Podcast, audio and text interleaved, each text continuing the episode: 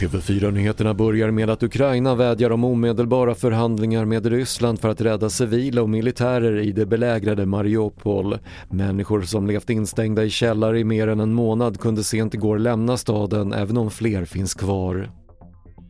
I Frankrike drabbade igår kväll president Emmanuel Macron och utmanaren Marine Le Pen samman i en sista tv-debatt inför söndagens presidentval.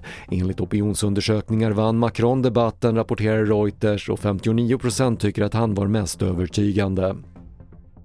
Halten coronavirus i avloppsvattnet i Göteborg har sjunkit rejält och är nu den lägsta på fyra månader enligt analyser från Göteborgs universitet. Proverna är tagna under förra veckan och en orsak till att virushalten har sjunkit kan vara att det börjar bli varmare.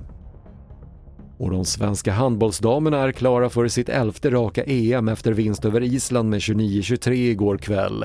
Sverige behövde en poäng men segern innebär att man säkrade gruppsegern och handbolls-EM spelas i Slovenien, Nordmakedonien och Montenegro i november.